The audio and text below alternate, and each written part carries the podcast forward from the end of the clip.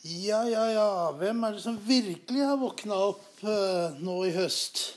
Det er selvsagt vår alles kjære kyllingen fra Bømlo. Hareide, som stikker nesa fram og begynner å snakke om politikk og vei og valg.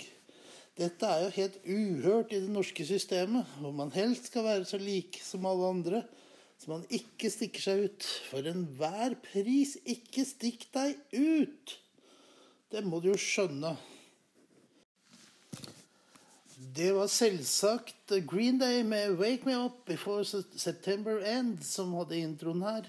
Og jeg syns at det er på tide at vi våkner opp, stiller opp og mener noe.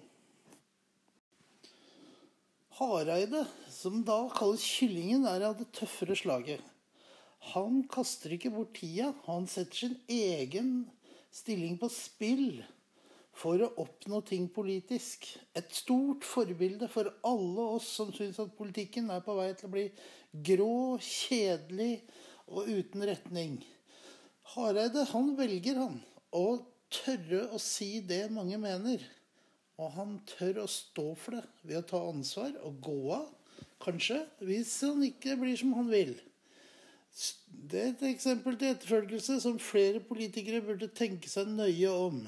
Dette er ikke bare et yrke. Dette, du forvalter en hel masse for fellesskapet. Og så kaster du bort tida di med å være så lik mulig som alle andre. Det er rett og slett deilig å følge med Hareide i høst.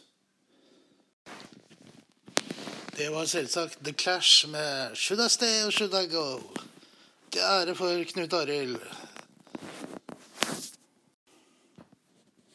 Det vil jo bli et uh, dilemma for Knut Arild Hareide, da. Han må jo lure på om han skal fortsette som leder i Kristelig Folkeparti hvis han taper denne saken. Det ser sånn ut nå. Det er flere blå enn røde, som kaller det. Der er en låt til ære for Knut Arild, som tør, og som står på.